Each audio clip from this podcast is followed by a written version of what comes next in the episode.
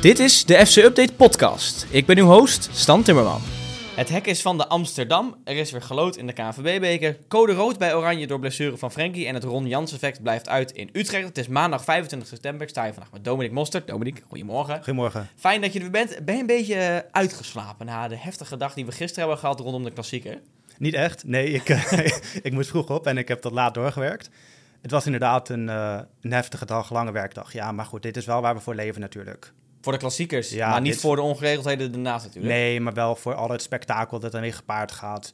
Natuurlijk, je, je hoopt gewoon dat die wedstrijd normaal plaatsvindt. Maar de drukte, ja, dat is wel wanneer een website als FC Update tot leven komt natuurlijk. Ja, dat klopt inderdaad. Uh, we gaan het straks nog even hebben over uh, de ongeregeldheden. Maar het lijkt me wel dat we moeten beginnen bij de wedstrijd zelf. Ja, want prima. het gaat natuurlijk nu voornamelijk over de dingen eromheen. Ik vond het wel een leuk begin. Want ja, ik, we dachten toch allemaal van, nou, Feyenoord is favoriet. Dat is niet zo gek natuurlijk in de staat waar Ajax in verkeert. Maar ook hoe goed Feyenoord op het moment is.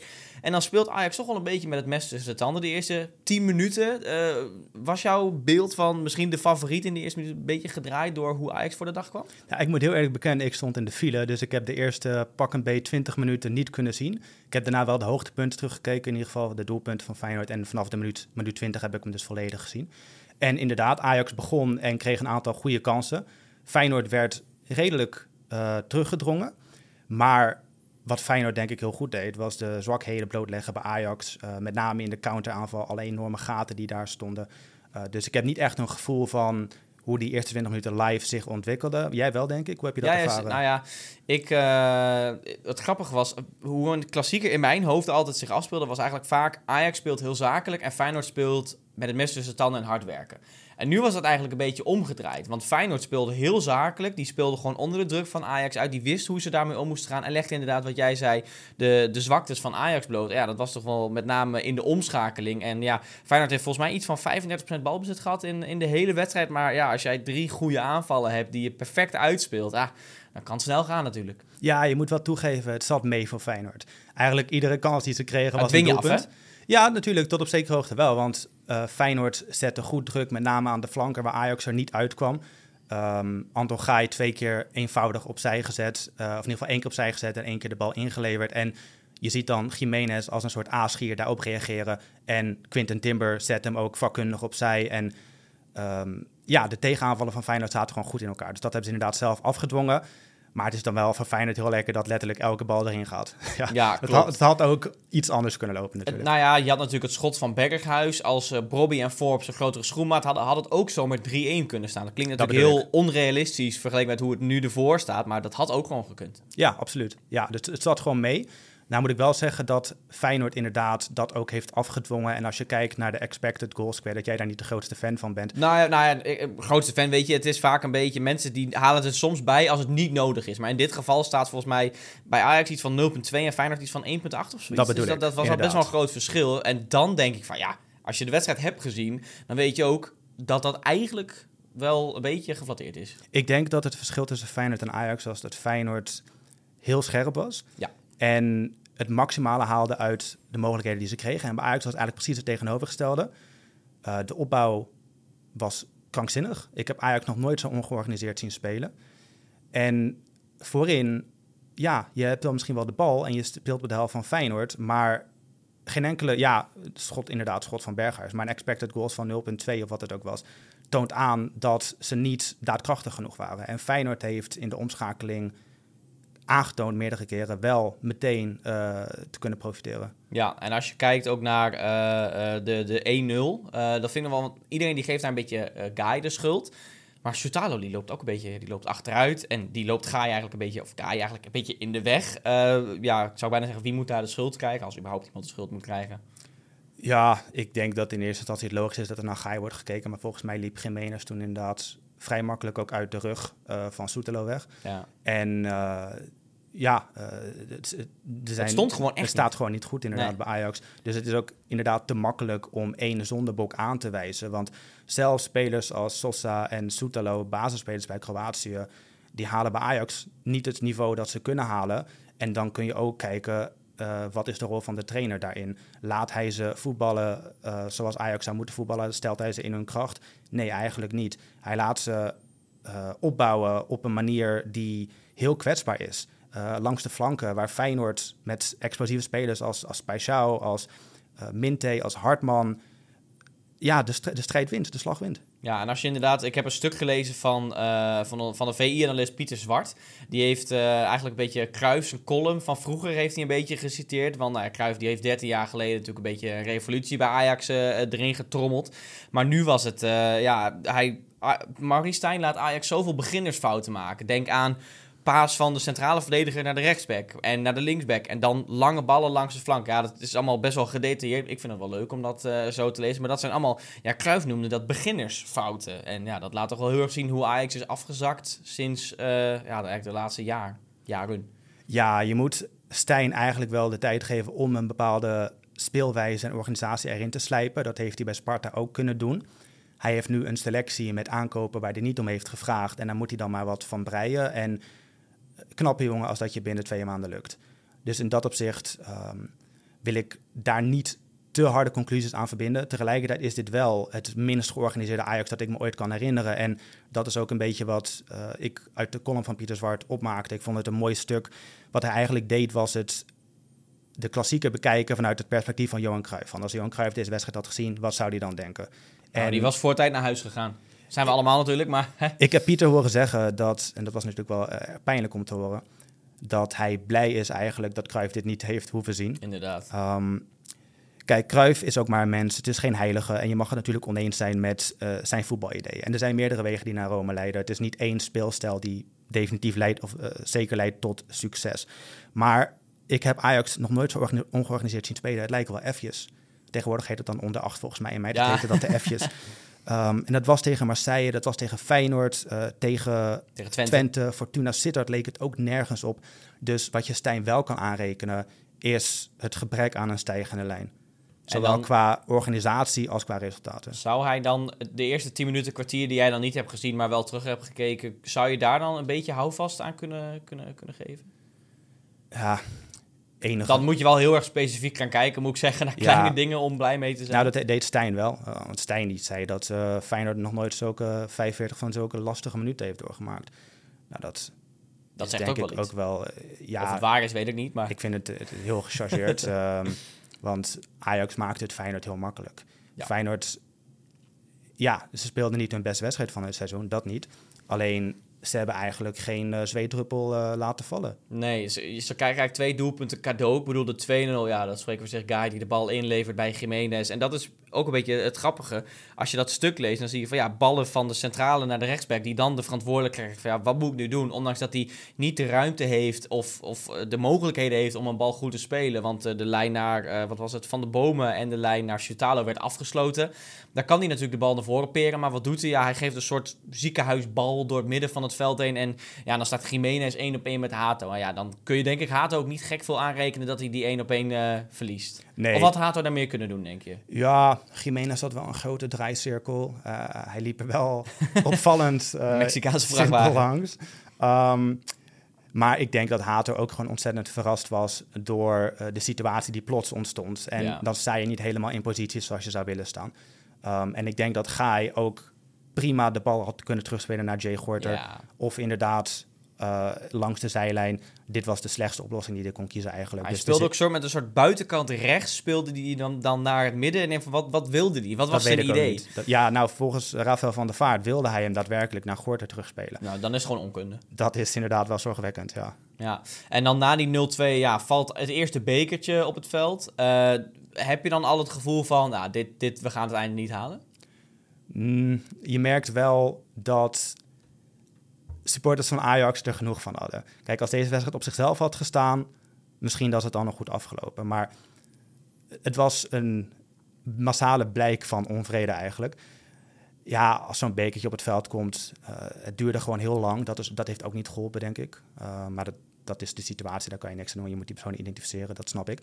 En ik vind het wel goed uh, dat de wedstrijd wordt gepauzeerd, dat moet ik wel zeggen. Want ik vind het goed als zulke gasten uh, ja, goed in beeld komen, op sociale media een beetje aan de schandpaal worden genageld.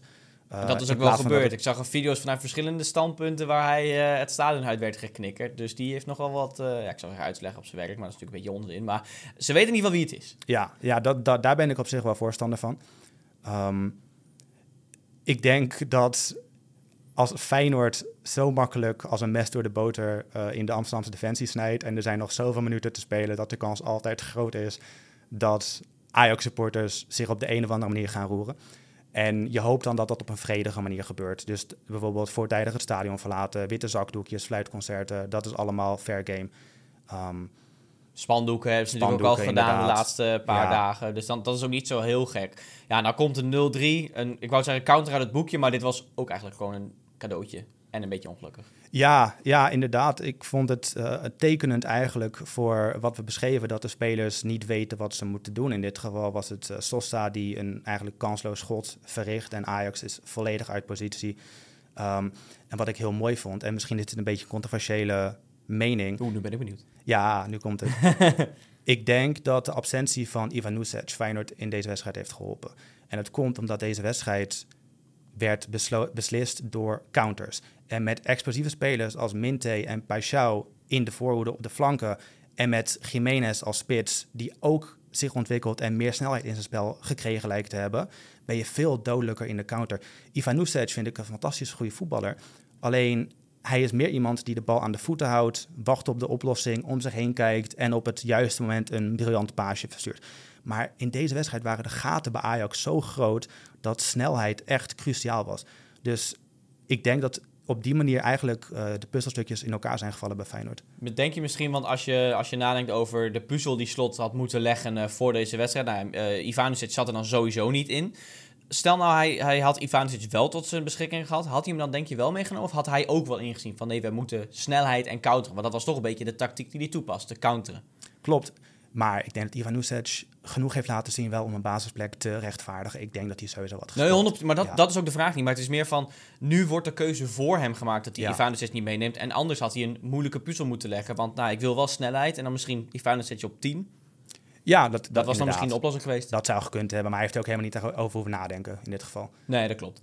En uh, toen werd het dus 0-3 en dan merk je wel van uh, het wordt steeds grimmiger in het stadion en uh, dan wordt het een hele lastig en gaan we het eigenlijk niet af. Maar kon alleen nog maar historischer worden. Want ja, als je nadenkt over 0-3 na, na 35 minuten, dat is al historisch. Volgens mij heeft Feyenoord nog nooit zo snel 0-3 voorgestaan tegen Ajax. Um, nou ja, en we hebben de chat gezien van de Ajax hooligans, noemen we maar even. Dus nou, die wist ook al van, nou, we gaan uh, eh, 10 minuten naar rust. Kappen we ermee. Ja, maar is dit nou een... Want dit zijn gewoon de regels. na twee keer vuurwerk stoppen we ermee. En dan is dat bekertje al afgeschreven omdat die gozer eruit is gegooid. Maar denk je dat dit nu een beetje een vaste prik gaat worden bij Nederlandse supporters? Van nou, het loopt niet, dus we gaan er maar laten staken? Maar dat is het al. Ja, dat zag je bij Groningen natuurlijk ja, ook. inderdaad. Dat heb je bij Groningen ook gezien. Die hebben ook doelbewust vorig seizoen bijna iedere wedstrijd verstoord het is al vaste prik.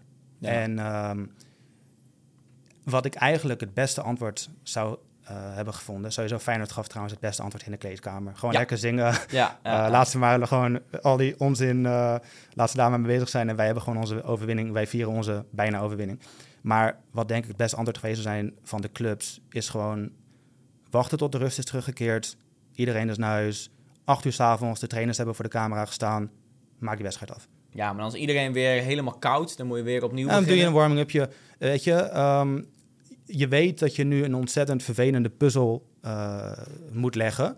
En Feyenoord had aangegeven die wedstrijd te willen afmaken. En het waren Ajax en de KNVB en de gemeente Amsterdam die dat niet zagen zitten.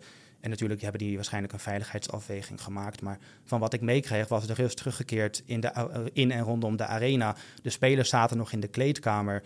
Um, waarom kon die wedstrijd niet afgemaakt worden? Daar zou ik wel een uitleg, uitleg voor willen. Ik denk dat het inderdaad te maken heeft met, dat, met, met veiligheid vooral. Want ja, veel supporters komen natuurlijk van de IJs, die komen uit alle uithoeken van het land. Maar er zitten ook gewoon veel Amsterdammers bij en mensen die om de arena heen in Amsterdam in kroegen zouden gaan zitten. En ja, dat zij lucht kregen van, uh, oh, ze gaan verder, dan zouden zij denk ik met z'n allen die kant op gaan en zeggen, ja, ik heb gewoon een kaartje, ik wil naar binnen, dat is mijn plekje voor deze wedstrijd, noem maar op.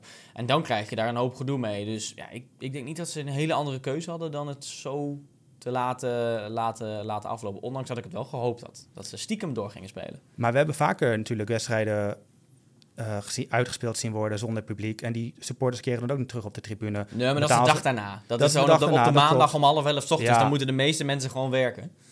ja, eh, betalen ze dan het geld terug voor het ticket of iets dergelijks. Maar ik, ik snap heel goed de onvrede bij Feyenoord dat deze wedstrijd niet is afgemaakt. Want inderdaad, ze hadden een historische uitslag kunnen neerzetten. En ik denk ook van, dat kan alsnog. Dus Feyenoord wil deze wedstrijd nu niet uitspelen, maar je hebt inderdaad een unieke kans om dit Ajax nog verder te vernederen. En ik zou dat gewoon proberen. Daarom denk ik dus ook van als je nu de stand laat staan van 0-3, want dat lijkt nu de meest realistische, eh, het meest realistische scenario, dan geef je de Ajax-fans wat ze willen. Dan geef je hen een soort van gelijk en laat je hun, hen winnen. Want ja, als je die wedstrijd uit had laten spelen, nou ja, uh, we hadden het net over dat Ajax ook wel een paar keer had kunnen scoren, maar dit was geen uh, eh, 4-3 meer geworden, denk ik.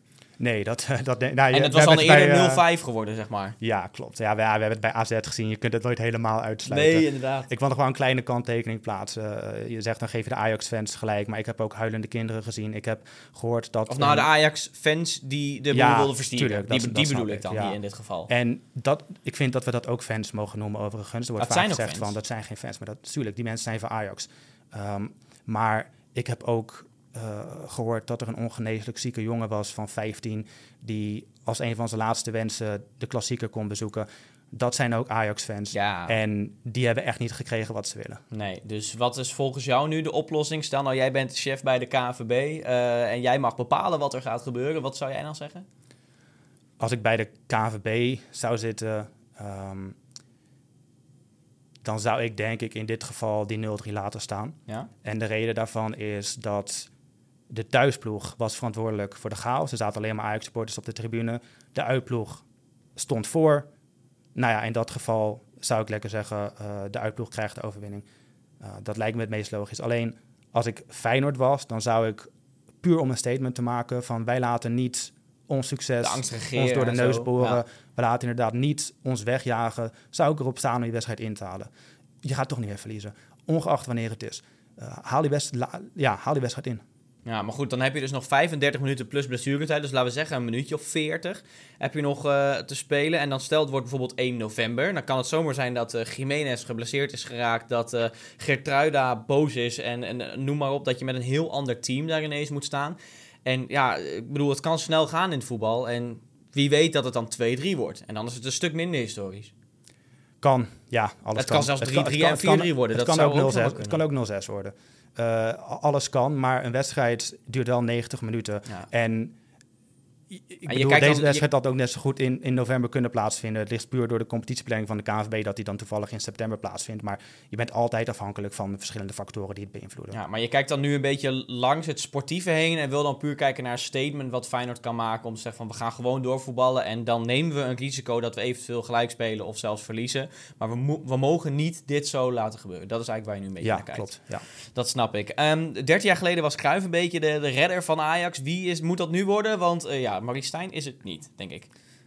Ja. Of hij moet even wat extra tijd kijken, maar de koppen beginnen al te rollen in Amsterdam. En Van Gaal die heeft vandaag ook een eh, statement gegeven dat hij... Nou, hij heeft het niet uitgesloten, maar hij zegt dat zijn gezondheid voorgaat. Dus waarschijnlijk geen officiële functie en dan misschien een officieuze functie. Maar Van Gaal die is uh, ja, vrij ernstig ziek. Die kan niet alleen naar de wc, heeft hij aangegeven. Dus ik zou ook niet van niemand vragen om nou als redder in nood naar Amsterdam uh, te komen. Dan krijgt hij ook echt een hele grote druk op zich. Ondanks dat hij gelijk dan omarmd wordt door het publiek, uh, dan is het nog steeds wel een flinke aanslag op nou ja, je, je gezondheid, zeg maar. Hij kan er ook gewoon elke wedstrijd gaan zitten en uh, dan op maandag met de trainer om tafel om te zeggen van nou, dit kan beter en dit kan beter. Weet je, op die manier. Ja, inderdaad, ja. Een soort klankgroep. ja, nee, inderdaad. Dat, dat, dat is dan misschien een beetje de dik advocaatrol. Of de, sorry, de, was dat Dick Advocaat die bij Feyenoord uh, koffie kwam drinken altijd? Die, nou, uh, voor mij gaat Dick Advocaat ook wel koffie drinken. Een paar seizoenen geleden. Um, maar zo'n rol, gewoon een, inderdaad een, een adviserende rol, uh, zou kunnen. Ik heb op zich wel vertrouwen in Alex Kroes. Die kan helaas voor Ajax pas in maart beginnen, zoals het nu lijkt. Ja, ik zie hem ook niet. Natuurlijk, je denkt wel aan Overmars, maar ik denk dat dat ook geen goede ja, move zou zijn. Ondanks dat, dat misschien sportief gezien een goede, goede zet zou zijn van Ajax, zullen ze dat denk ik op moreel vlak niet doen. Ook omdat, ja, het gaat natuurlijk niet alleen om de sportieve dingen, maar ook om de mensen op kantoor. En Ja, die precies. moeten zich ook fijn voelen. En dat zijn veel meer mensen dan de elf jongens op het veld. Dus dan lijkt het mij heel onrealistisch dat ze hem terughalen. Ondanks dat de harde kern daar al eh, maanden om schreeuwt. Maar dat lijkt mij heel onrealistisch. Denk ik ook. En Ja. dat is ook de reden dat ik het ook eigenlijk niet weet. Nee. Dan wordt eh, na, de, ja, na de nederlaag, noem ik het uh, volgens nog maar even, wordt de, de, de hoofdingang bestormd. Hebben wij eigenlijk ooit zoiets gezien in Nederland in, in de recente geschiedenis? Ik kan me niet echt... Ja, wel is dat bijvoorbeeld bij NEC zijn volgens mij mensen een keer het stadion binnengedrongen. Maar ja, daar is het iets minder, zeg maar... Ja, dichtgebouwd, om zo maar even te zeggen. Voor mij kun je daar iets makkelijker naar binnen lopen dan bij de arena. Daar hebben ze echt de hele bende uh, gesloopt. Nou, Dus, we uh, hebben natuurlijk in, volgens mij was het 2011, de bestorming van het Maasgebouw gezien uh, door uh, Feyenoord-aanhangers. Dat is dan niet de Kuip, maar het Maasgebouw Ja. naast de Kuip. In coronatijden zag je supporters eigenlijk constant de tribune opkomen die daar niet hoorden te komen, omdat het Ja. wedstrijden zonder publiek waren. Uh, dus in dat opzicht, we zijn wel wat gewend in dit land. Maar deze beelden van inderdaad uh, een, een hoofdingang die gewoon wordt Staat gewoon boven welkom bij Ajax. En dan heb je de supporters met uh, Ajax-shirts uh, onder hun zwarte jassen en, en bivakmutsen die dan die deur kapot gaan trappen. En je hoort dan een vrouw op de achtergrond schreeuwen van, oh, ze zijn binnen.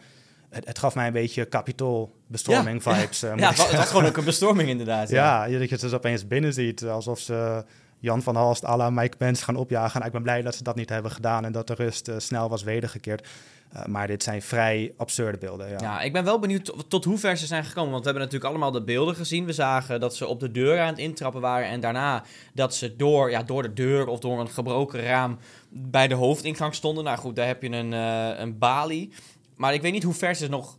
Of ze daarna verder zijn gekomen. Volgens mij hebben ze gewoon dat glas kapot gemaakt. En zeiden ze, ja, we staan hier en we gaan weer weg. Dat is voor mij een beetje hoe dit gaat. Want ik weet niet of ze heel ver zijn gekomen. Ik heb dat ook. Ik heb dit idee ook niet. Want en alle deuren daar. Je hebt een deur die gaat naar een, een deur naar een roltrap die naar boven gaat. En dan kom je wel bij de skybox en bij het parkeerdek en zo. Die deur is dicht. Daar kom je alleen met een pasje in. En die is best wel klein. Dus lijkt me niet dat ze die hebben opengetrapt. En verder kom je bij de toiletten en ja, dat, dan kom je bij de Febo. Dus verder heb je voor mij ook niet heel veel mogelijkheden als je binnen bent. Dus het zag er wel heel heftig uit. Maar voor mij is er nooit echt iemand echt in gevaar geweest. Er was ook denk ik geen duidelijk plan wat überhaupt het doel was van deze bestorming. Het Dit lijkt me niet heel doordacht inderdaad. één brok woede en onvrede. En dan krijg je mensen die dingen gaan slopen. Ja, nou ja, laten we, het is in ieder geval bij materiële schade gebleven. uh, en een hoop stress wel voor denk ik, de mensen in het stadion. Want ondanks dat ze weten, er is politie, ME, beveiliging, noem maar op. Wij zitten in het stadion en ze willen erin komen. Dus ze zullen daar vast wel met een beetje stress hebben gezeten. Er kwam nog een verhaal naar buiten over Gorter en Van der Bomen... die hun vriendinnen in, in veiligheid brachten. Ja, dan voel je je toch ook niet meer fijn bij zo'n club als zoiets gebeurt. Dan voel je je toch ook een beetje opgejaagd. En dat hebben we ook gezien natuurlijk uh, rond AZ West Ham... dat uh, de spelers van uh, ja, beide ploegen eigenlijk hun families in, in veiligheid wilden brengen. Ja. Dat is helaas de wereld waar we in leven. Ja, het is, het is heel triest. En het is wel inderdaad, je had het net nog over dat tegengeluid van, uh, van Feyenoord uh, met het, het, zingen in de kleedkamer. Dat was eigenlijk het eerste moment waarop, dat zag ik en toen dacht ik van oké, het is goed, het is relaxed, het is weer onder controle. Want ja, ik zat de hele tijd op Twitter natuurlijk van wat gebeurt er, wat gebeurt er.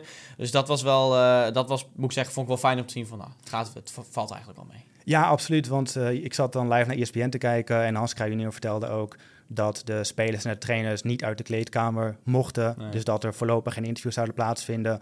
En dan ga je inderdaad wel afvragen van, wat is de situatie? Hans Kraai die klonk redelijk relaxed. Uh, onze Monier die heeft ook verslag gedaan uh, van zijn ervaringen. Nou, die heeft in, mooie en uh, schokkende beelden gemaakt van de ravage die is aangericht, maar is zelf ook niet in gevaar geweest. Uh, dus inderdaad, ik denk dat de hooligans slechts een hele beperkte, in een heel beperkt gebied zijn geweest.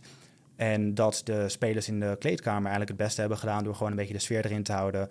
En uh, het allemaal op zijn beloop te laten. Want het ja. is niet hun probleem. En ze kwamen best ook snel wel weer terug in uh, Rotterdam. We zagen op een gegeven moment een tweet van nou, de spelersbus is er weer. Dus toen was het hele idee van vanavond uitspelen ook al uh, uitgesloten. Dan daalt de storm en op zondagavond nog, dan rolt de eerste kop. Sven Mislintat, er is geen draagvlak meer voor hem. Um, ja, ik wil bijna zeggen, goede keuze van, van Ajax om, om dit te doen. Nou ja, wat ze aangeven is dat er geen vertrouwen is binnen Ajax in Mislintat. En je kunt niet werken als technisch directeur zonder vertrouwen. Dus in dat opzicht is het een juiste beslissing. Alleen, ik vind het wel apart dat je iemand uh, de sleutel van je club geeft, 115 miljoen laat besteden. En Alles op rood zetten en het wordt zwart. Da kijk, als je supporters uh, technisch beleid laat doen, en ik zeg niet dat dat per se slecht zou zijn, hè, want soms zien supporters het beter dan bestuursleden. Maar dan zou je Ziyech terughalen. Uh, dan zou je uh, heel erg... Zou voor je Fico terughalen, wat Stijn ook wilde. Dan zou je best wel voor de hand liggende aankopen doen.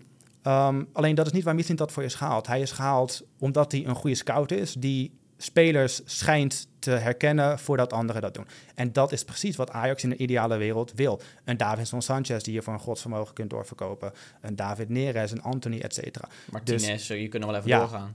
Dus dan vind ik het raar dat je zijn aankopen slechts uh, twee maanden de tijd geeft... terwijl een beetje realist wel snapt dat ze niet meteen uh, de sterren van de hemel spelen. Tegelijkertijd, het niveau dat ze sommige aankopen vertonen is wel echt schrikbarend laag. Dus dan ga je wel afvragen van... Uh, hebben ze überhaupt de potentie wel om het te halen? Maar ik denk wat misschien dat echt de das mee heeft gedaan... is zijn gedrag achter de schermen. Uh, dat hij Maurice Stijn en andere leden van Ajax... een ongemakkelijk, onbehagelijk gevoel geeft. Dat hij ogenschijnlijk op Jay Gorter is afgestapt... om duidelijk te maken dat hij niet blij is dat Gorter in de basis staat. Dat zijn dingen die als technisch directeur je niet kunt permitteren. Nee, dat is dat, als die, al die verhalen kloppen en dat blijkt nou wel zo te zijn, maar anders zouden ze hem niet uitschoppen, denk ik. Waarom zou je een TD inderdaad twee maanden de tijd geven en als zijn spelers niet presteren om hem dan eruit te gooien? Dus het, is, veel meer dan alleen dat. Hè? En ik denk ook dat het voor veel mensen in het bestuur van Ajax ook te heet onder de voeten wordt. Dus dat ze misschien dat als zondebok ontslaan. Maar er zijn heel veel bestuursleden, zoals Maurits Hendrik, zoals Jan van Hals, die misschien dat in staat hebben gesteld om de ravage, tussen aanhalingstekens, want daar lijkt het nu op, aan te richten. Uh, dus ik vind niet dat misschien dat de enige moet zijn die daarop wordt aangekeken. Nee, dus daarom is het ook wachten om te kijken wie er allemaal nog meer uh, weggaan. Dat is dus wel grappig dat ze dat persbericht stuurden ze er eigenlijk twee, Ajax, uh, waarin één staat in goed overleg en de volgende was eigenlijk ja, hij is ontslagen en we hebben per ongeluk de verkeerde gestuurd. Uh, denk je dat, is daar tussenin nog iets gebeurd of hebben ze oprecht de verkeerde gestuurd? Nou, er zaten vijf minuten tussen de twee persberichten. en het duurt een minuut of vijf om zo'n bericht te tikken. Dus um, wat ik heb gelezen in de Telegraaf was dat eigenlijk uh, aanvankelijk het idee was... we gaan in goed overleg uit, uit elkaar. Maar dat bleef tegenstribbelen en daarom werd uiteindelijk een tweede versie van dat persbericht opgesteld, waarin dat goed overleg uh, werd verwijderd. Um, ja, dat is het enige wat ik weet. Ik weet niet uh, hoe het achter de schermen is gegaan. Ik vind het wel frappant en eigenlijk wel pijnlijk voor de hele organisatie Ajax dat op zo'n cruciaal moment dat iedereen aan je lippen hangt, de chaos regeert en je niet eens een persbericht de wereld in kunt sturen waar je achter staat. Het is, uh, ja, het is amateuristisch. Heel uh, beeldend, denk ik, voor de situatie van Ajax op het moment. Hè? Ja, absoluut. En dan zetten ze ook een bericht op Instagram dat, uh, dat, dat niet dat de laan uit is gestuurd. En ja, als je dan kijkt naar de mensen die dat bericht geliked hebben, Kelvin Bessie, Owen Wijndal, Tadic, Bergwijn, Klaassen, Bobby, dat, en nu inmiddels ook Sjaak Zwart, de F-site, El Ghazi, Nunnely, allemaal dat soort jongens, dat laat ook wel wat zien, hè? Ik hoorde ook dat Berghuis dat gelijk en dat hij het snel had, unliked. um, kijk, eh, ik hecht daar niet heel veel waarde aan, omdat die social media van die spelers vaak worden gemanaged door anderen. En dat is misschien automatisch de berichten van hun club liken. Dat zou ook kunnen, maar het ziet er wel grappig uit. Het ziet er heel grappig uit. En uh, dat, je, je kunt ook uittekenen dat er genoeg mensen zijn waar Ajax ook in de spelersgroep die uh, niet blij zijn met de aankopen van Mislintat, met het beleid van Mislintat. Een Jay Gorter, ja, als jij zo uh, in je gezicht wordt aangesproken door een technisch directeur die zegt, ik wil dat jij eruit gaat. Natuurlijk ben je, ben je dan blij als die weggaat. Het Gorter heeft het volgens mij niet gelijk, maar om aan te geven dat er spelers zijn die ongetwijfeld een reden hebben om er blij mee te zijn. Ja, daarom. Het is, uh, ik denk, een goede keuze geweest van Ajax om hem uh, eruit uh, te, te, te bonjouren. De volgende kop die kan gaan rollen is Maurits Hendricks, de Chief Sport Officer bij Ajax. Nou, ik heb toch even op moeten zoeken wat hij eigenlijk precies doet. ik zag het verhaal van een jaar geleden. Hij gaat zich bezighouden met besten, bestendigen van Ajax als topsportorganisatie. En het verder ontwikkelen van een topsportcultuur. Ook krijgt Hendricks de portefeuille met het nieuwe project voor jeugdcomplex De Toekomst. Ja, nou ja, de topsportcultuur en de topsportorganisatie, ja, dat is hem niet echt gelukt, hè? nee, als je de balans zou moeten opmaken, dan uh, ziet het er niet goed uit voor, uh, voor Maurits Hendricks.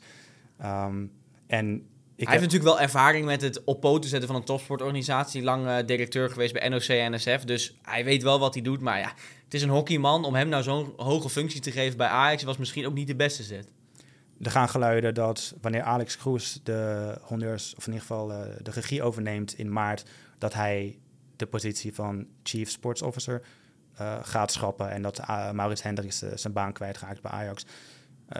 Vanaf een afstandje lijkt dat me geen gek idee. Gek idee. Want wat ook belangrijk is om te beseffen is... Hendricks is eigenlijk de nummer één supporter van Mislintat. Dus als Mislintat heeft gefaald en iedereen is erover eens dat hij heeft gefaald... moet je ook kijken naar de mensen die hem door dik en dun, door dik en dun hebben gesteund...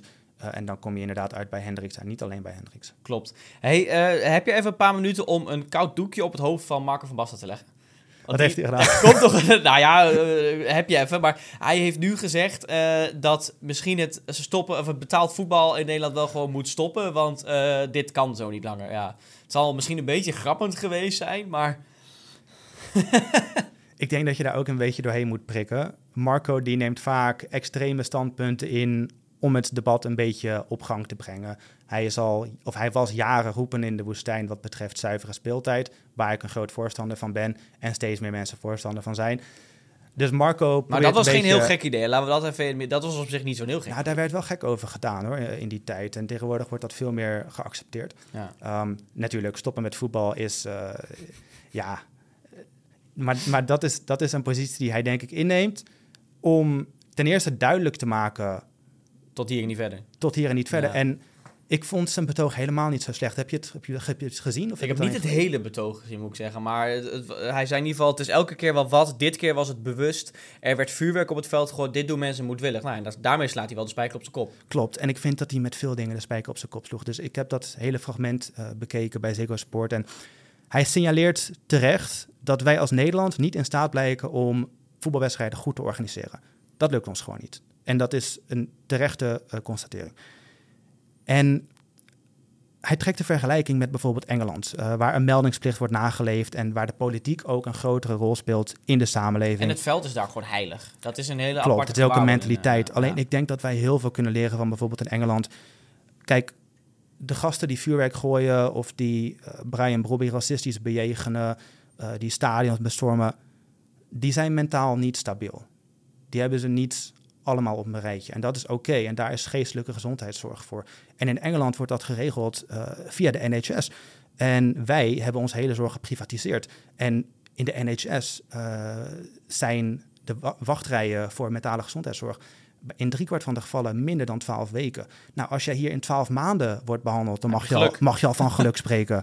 Um, en ik heb me ook echt gestoord aan onze politici. Dus bijvoorbeeld uh, minister Jessogus, die premier van dit land wil worden, die komt gisteren niet verder dan uh, ja, schaam je kapot. Dat is gewoon een tweet die je elke twee maanden Ctrl-C, Ctrl-V kunt doen en opnieuw kunt die plaatsen. Die had ik ook kunnen plaatsen. Jij bent de minister van Justitie en Veiligheid, je wil premier worden, kom met wat beters dan schaam je kapot. Uh, ik heb me ook gestoord aan Femke Halsema, die, ze spreekt als burgemeester van Amsterdam, dat snap ik. En die meteen wijst naar de clubs en naar de KNVB. Ja, ik vind ook dat de clubs bijvoorbeeld een voorbeeld moeten nemen aan Feyenoord met netten op het veld. Dat lijkt goed te werken. Maar er ligt ook zeker een rol voor de politiek en dat geeft Van Basten ook aan. Hij geeft aan dat de politiek ook aan zet is.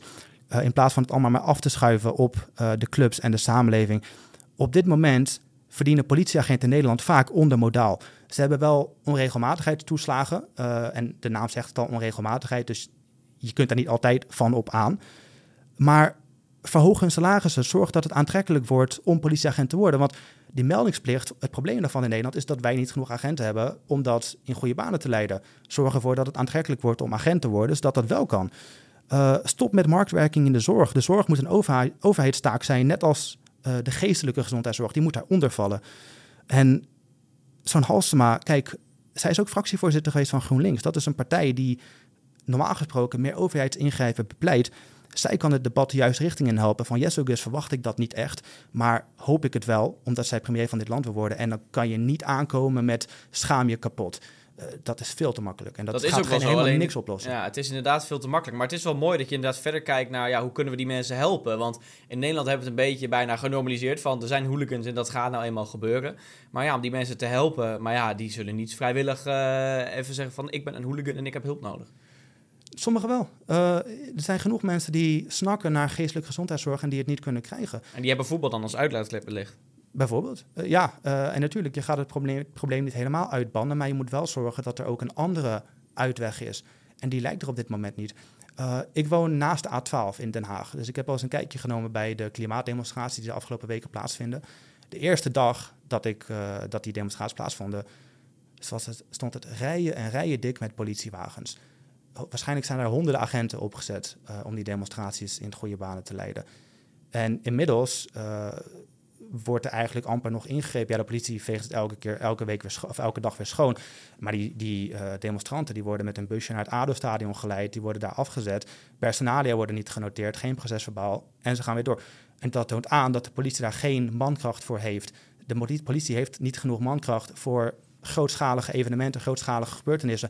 En als je een, als Nederland een serieus land wil zijn, dat serieus dingen wilt organiseren, dan moet die mankracht in orde zijn. Willen wij ooit nog een EK of een WK organiseren, dan kun je niet aankomen met hoe het nu gaat. Nee, inderdaad. Dat is wel uh, een mooi betoog, vind ik. Uh, en dan moeten we gaan kijken, hoe kunnen we meer politieagenten uh, regelen in Nederland. Maar misschien even de eerste stap, overal netten in een stadion. Ja, dat, dat lijkt denk me... ik de makkelijkste stap. En ik denk dat um, de werking daarvan ook beter uitpakt dan eigenlijk gedacht toen die netten in de kuip kwamen, dacht ik ook van, oh, dat gaat het zicht ontzettend belemmeren en dat is niet prettig. Maar Valt dat valt mee. allemaal best Ja. wel mee.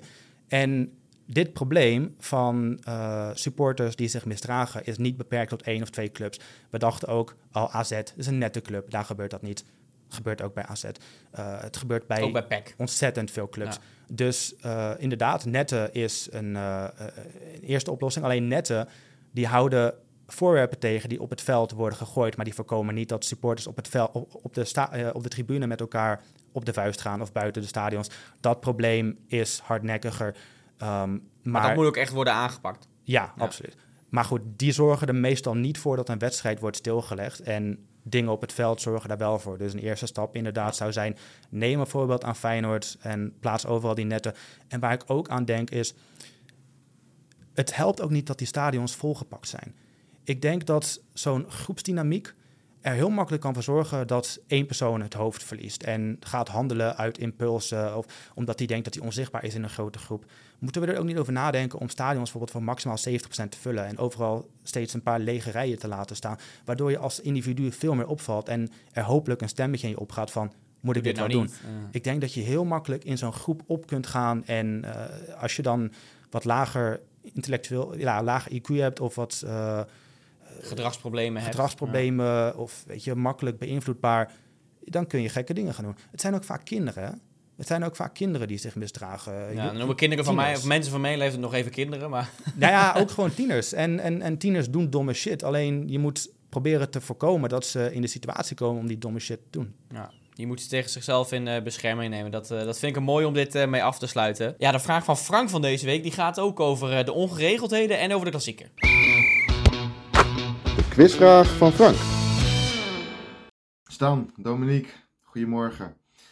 Ja, de klassieker. Ik vrees dat we daar de komende dagen nog niet over uitgepraat of geschreven raken. Want wat gebeurde er in Amsterdam? Veel op het veld, maar vooral daarbuiten. Ongelofelijke taferelen. Ik hoorde Arne Slot na afloop van de gestaakte wedstrijd opmerken dat de minste fase van Ajax er nog aan moest komen. Aangezien die club donderdag nog Europees gespeeld had, had hij verwacht dat de uitslag nog veel hoger had kunnen uitvallen. Eh, Ajax dreigde daarmee dus de grootste nederlaag te leiden in een klassieker deze eeuw. Jullie weten vast nog wel wat tot nu toe deze eeuw de grootste nederlaag was die Ajax in een wedstrijd tegen Feyenoord leed. Ik ben heel benieuwd of jullie mij kunnen vertellen de uitslag, het jaartal en doe ook even de doelpuntenmakers. Succes! Nou, ja, de 6-2, dat is Ja, volgens dat mij, die kun je als ook. eerste opschrijven. En dat was in 2018, 2019, toen Ajax ook de halve finale van de Champions League haalde. Ja, dat klopt. Was dat jaar? Ja. En ik weet dat eh, Van Persie eh, ja, die stond mij ook direct in mijn hoofd van Persie scoorde. inderdaad. Was dat niet een hattrick? Ja, volgens mij sco- scoorde Van Persie er aardig wat inderdaad. Misschien een Eh, hattrick van Van Persie? maar dan ben ik wel benieuwd, wie scoorde er dan voor Ajax? Tadic dat- misschien? Eh, ja, in dat jaar had je natuurlijk... eh, Tadic, Anthony. Promes. ja, dat weet ik niet meer. Dat Ik weet, ik weet niet precies wie er bij Ajax scoorde, maar in ieder geval eh, eh, Van Persie in ieder geval een aantal. Oeh, ik moet even goed terugdenken. Huntelaar misschien, van Ajax? Zat hij er toen? Dat is dit Champions League seizoen, hè? Toen zat hij er niet meer, toch? Jawel, ik zie hem nog zo in Bernabeu dansen volgens mij. Oh, oké, oké. Maar ja. redelijk Ah, als wissel, Ja, als wissel inderdaad. Ja, dat zou kunnen. Ja, ja, ja. Nou, ik, dan denk ik in ieder geval Huntelaar een doelpunt voor Ajax. En ja, ik heb die wedstrijd al een beetje in mijn hoofd teruggeroepen. Je hebt hem, je hebt hem uit Heb je verder van, naast Van Persie nog een gokje wie er toen... eh Poeh, nee, ik, ik vind het echt lastig. eh. Toorn, was Toornstra niet... eh, dat zou, dat zou goed kunnen. Ja, dit seizoen van Feyenoord 18, 19. Ja. ehm, Het was nog ja, voor de Arne Slot-revolutie eigenlijk. Uh, Jurgensen? Ja, dat is. Nou, nu ben ik alleen maar namen ja, aan het opnoemen. Dit, laten dit is schokken. Laten we, laten we het antwoord van Frank even erbij pakken. Ja, mannen, voor het goede antwoord hoeven we niet heel ver terug in de tijd. Want ik was uiteraard op zoek naar de beruchte editie in de Kuip van januari 2019. Ajax werd in dat seizoen nog gewoon kampioen van Nederland, maar ging er wel keihard vanaf tegen de aartsrivaal. Het werd 6-2 en hier komen de doelpuntenmakers. De 0-1 voor Ajax kwam van de voet van Lasse Schöne, vrije trap. Feyenoord maakte gelijk via Jens Toornstra en kwam op voorsprong door huidig Ajaxiet Steven Berghuis. Hakim Ziyech zorgde vervolgens voor de 2-2, maar nog voor rust kwam Feyenoord door Robin van Persie op 3-2. Diezelfde van Persie maakte na rust ook de 4-2 en Feyenoord liep verder uit door doelpunten van Tony Vilena en Yassine Ayoub. Dat was hem. Ja, nou, een aantal goede antwoorden met uh, nou, ja, Toornstra van Persie, maar geen hattrick voor uh, Van Persie. Wel twee doelpunten. Verder, ja, Siak had je wel genoemd. Maar uh, nou ja, het is een wedstrijd die ik in ieder geval in mijn, in mijn hoofd weer heb teruggedrongen. Maar jij zal er nog wel regelmatig gaan terugdenken, denk ik. Dan even de loting van de KNVB. Ik even weg uit alle Ajax-drukte. Um, zitten er nog, ja, het zijn nu wedstrijden van clubs, ook wel eredivisionisten, maar buiten de Europees spelende clubs. Zitten er nog potjes bij waar jij specifiek naar uitkijkt? Nee, ik sla die eerste ronde meestal over. Ik vind dat niet zo interessant. Oh, dit is niet eens de eerste ronde, die is al geweest. Ja, de eerste ronde met de, met de profclubs erin. Nee, ik neem dan lekker een vrije avond. Ik, uh, ik blijf daar niet voor thuis. Nee, oké. De sporters van die clubs ongetwijfeld wel. Ja. Dus dat wil ik niet minimaliseren, maar voor mij is dat niet zo interessant. Nee, nou, ik, ik weet nog niet precies wanneer welke wedstrijd uh, gespeeld wordt, maar ik wil toch wel naar HC tegen Heracles. Ik ben geboren in Hardenberg en daar, nou, HC ga ik toch wel eens heen met mijn moeder, dus dat zou leuk zijn. En uh, eh, AFC uit voor PEC, want ik ben toch een Zwollenaar, dus dan zou je die ook wel mee willen pakken. Alleen ja, het is nou nog maar even wachten wanneer die wedstrijden uh, gespeeld worden. Verder heb je nog Spakenburg-Helmond. Dat is ook wel een leuke pot, denk ik. Een beetje potjes waar ja, amateurclubs, om zo maar even te zeggen, tweede divisieclubs nog een kans maken. Of IJsselmeervogel Sparta, ook een leuke pot. Ja, ik vind het altijd wel leuk als uh, inderdaad de amateurclubs uh, een beetje succes boeken. Waar ik me altijd wel aan kan storen, was, is dat er dan steeds wordt gedaan alsof het een gigantische stunt is als een amateurclub wint van een club uit de keukenkampioen-divisie. Want die als, ik zie bijvoorbeeld FC Lisse Dordrecht. Dat is echt zo'n potje waar FC Lisse kan winnen, weet je wel? Of... Uh, Quick Boys NAC, GVVV Telstar. Dat, allemaal dat soort potjes is van, ja, dan is het toch op zich niet heel gek als, uh, als een amateurclub gegeven moment uh, een keer, ja, dat die bal er per ongeluk invalt bijvoorbeeld. Nee, dat is allemaal lood uit ijzer. Niet eens per ongeluk. Soms winnen ze gewoon dik en dik verdiend. Nou, ik, ik kan bijvoorbeeld HC NEC, HC RKC, kan ik nog wel een keer herinneren. Ik ben toen een keer mee geweest naar AZ uit. Stonden we in de kwartfinale. En toen was Vincent Jansen nog degene die 0-1 maakte, of 1-0 maakte. En AZ net doorging naar de halve finale. Maar dat is toch altijd wel leuk. Laten we in ieder geval niet hopen dat nu alle KKD-clubs uh, alle wedstrijden winnen... en dat het gewoon nu een betaald voetbalbeker gaat worden. Want... Nee, maar dat is eigenlijk bijna nooit. Je hebt altijd wel één amateurclub die bijvoorbeeld de achtste finale, de kwartfinale haalt. Nou, afgelopen keer zelfs de halve finale. Maar er zijn altijd wel een paar die, uh, die doorstoten. Uh, het moet een beetje meezitten met de loting. Ja, nou, ik ben in ieder geval heel benieuwd uh, welke clubs dat uh, gaan halen. Dan even als afsluiten de blessure van, blessure van Frenkie de Jong. Want die hebben we natuurlijk wel meegekregen. Een beetje ondergesneeuwd in het klassieke nieuws. Maar dat is wel een beetje een probleem. Want ja, hij mist nu waarschijnlijk de EK-kwalificatie wel eens tegen Frankrijk en tegen Griekenland. Dus ja, de vraag is hoe nu verder, bondscoach Mostert. Ja, het is een, uh, een, groot gemis. Want Frenkie is natuurlijk met name tegen betere tegenstanders de perfecte speler om te hebben om je onder druk uit te spelen. Dus dat is een groot gemis. Um, ik vind het zelf sowieso al langer tijd dat Reinders een kans krijgt op het middenveld. Dus ik hoop dat die kans nu gaat komen. En dan, ja, als ik het voor het zeggen zou hebben, even van, vanaf hier, zou ik zeggen: Reinders en Veerman vind ik twee fantastische spelers die, uit, die in topvorm zijn. Zet daarvoor Xavi Simons. En je hebt alsnog een middenveld waar veel creativiteit van uitgaat. Uh, dat denk ik ook in staat is om wat onder de druk uit te spelen. Um, ja, dat, en, dat lijkt me geen gek idee. Nee, en even heel hypothetisch, Frenkie de Jong is wel fit. Wie van Reinders en Veerman moet dan uh, uh, de weg vrijmaken, zeg maar? Hoe dan denk ik toch Veerman. Omdat, ja? ja? omdat ik denk dat Reinders nog meer diepgang heeft in, in zijn spel. En Veerman, ja, die ik weet niet, ik, ik, denk dat hij kwalitatief ook gewoon wat minder is dan Reinders. Ik denk dat Reinders een buitengewoon goede voetballer is. En Veerman ben ik ook uh, erg fan van, met name van zijn traptechniek. Maar ik vind dat Reinders, die zich staande houdt bij een grootmacht als AC Milan, die daar op handen gedragen wordt eigenlijk, zijn kans echt wel verdiend heeft. Ja, het is een Nederlandse middenvelder. Die staat er bij Milan ook al wel 2-0 voor bij de supporters. Ja, maar dat, dat win je ook zelf af. Ja. ja. Nee, 100%. Ja, want bij Barcelona zijn er wel grote zorgen over zijn uh, blessure. Hoe lang uh, die enkelblessure zal zijn, uh, hoe lang hij daar zoet mee is, dat is nog maar de vraag. Maar ja, dat zijn toch wel slechte, slechte, slechte verhalen die je hoort. Ja, Frenkie is niet iemand die makkelijk geblesseerd raakt. Dus het is inderdaad wel een flinke tegenvaller. ook voor Barcelona, want hij is eigenlijk in de vorm van zijn leven. Maar goed, uh, het hoort erbij, het kan gebeuren. Ja, inderdaad. Nou ja, dan stel ik voor dat wij hem hier uh, afsluiten dit weekend. Uh, of nou, eerst even veel plezier met de inhaalduels natuurlijk. Met Ajax, PSV, Twente, AZ volgens mij, alle vier. Druk weekje. Een druk weekje. En dan heb je in het weekend nog de kelderkraker tussen RKC en Ajax. oh, sorry, RKC. Ja, ja, ja, precies. Ja, nou, twee kelderkrakers en vrij voor Ajax.